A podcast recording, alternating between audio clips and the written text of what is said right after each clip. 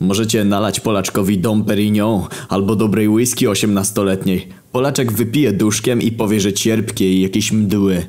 Dacie Polaczkowi trufli, to powie, że jakiś zgniły czosnek. Zaparzycie Polaczkowi dobrego espresso z dobrej ręcznej maszyny, ze świeżo mielonych ziaren bardzo dobrej jakości, powie, że jakaś mała ta kawa i w ogóle kwaśna i dziwnie smakuje.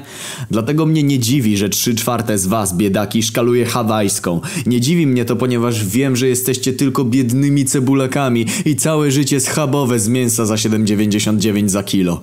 Nie znacie życia. Wasze kubki smakowe są wypalone od podrobionych fajek i chujowej wódki.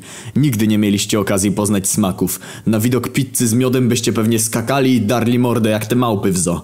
Kompozycja słodko-słone albo słodko-kwaśne to jedna z najlepszych rzeczy, jakie można skonsumować. Prawdziwa eksplozja dla wyrafinowanych smakoszy. W cywilizowanej i rozwiniętej Japonii, kiedy córka przyprowadza i przedstawia swojego wybranka rodzicom, ci wykonują test. Podają mu hawajską. Kiedy chłopak pizzy nie zje albo powie, że mu nie smakuje, to wiadomo, że pochodzi z patologicznej rodziny. Test działa z dokładnością stuprocentową i nawet WHO i ONZ przyznali, że u rodzin, w których dominuje alkoholizm, narkomaństwo i kazirodztwo zawsze pojawia się niechęć do pizzy z ananasem.